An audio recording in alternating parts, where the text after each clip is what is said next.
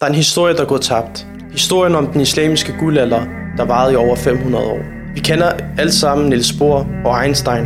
Dem hører vi om til fysikundervisning. Men hvem er historien om Al-Khwarizmi og Abu Kamal, matematikerne, der grundlagde og udviklede algebra?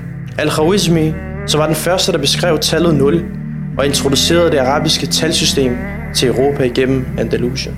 Eller videnskabsmanden Ibn al-Haytham, der var den første til at bruge videnskabelige forsøg og samtidig beskrives som faderen til moderne optik, fordi han revolutionerede forståelsen af synet igennem hans bog Kitab al-Manazir.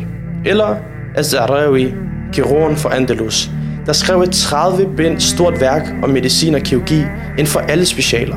Han havde detaljerede beskrivelser af sygdomme, af operationsteknikker, kirurgiske instrumenter, for bare at nævne nogle eksempler. Han blev derfor den primære reference inden for lægevidenskab i Europa i flere hundrede år efter. Og der er mange andre eksempler på videnskabelig opblomstring under den islamiske guldalder. Det var nemlig en tid med nytænkning. Det var en tid med innovation. Det var et liv med harmoni. Det var en verdensorden, hvor islam blev implementeret i livet, og var førende i verden faciliteret af det derværende khulafa. Det drev opblomstring i samfundet.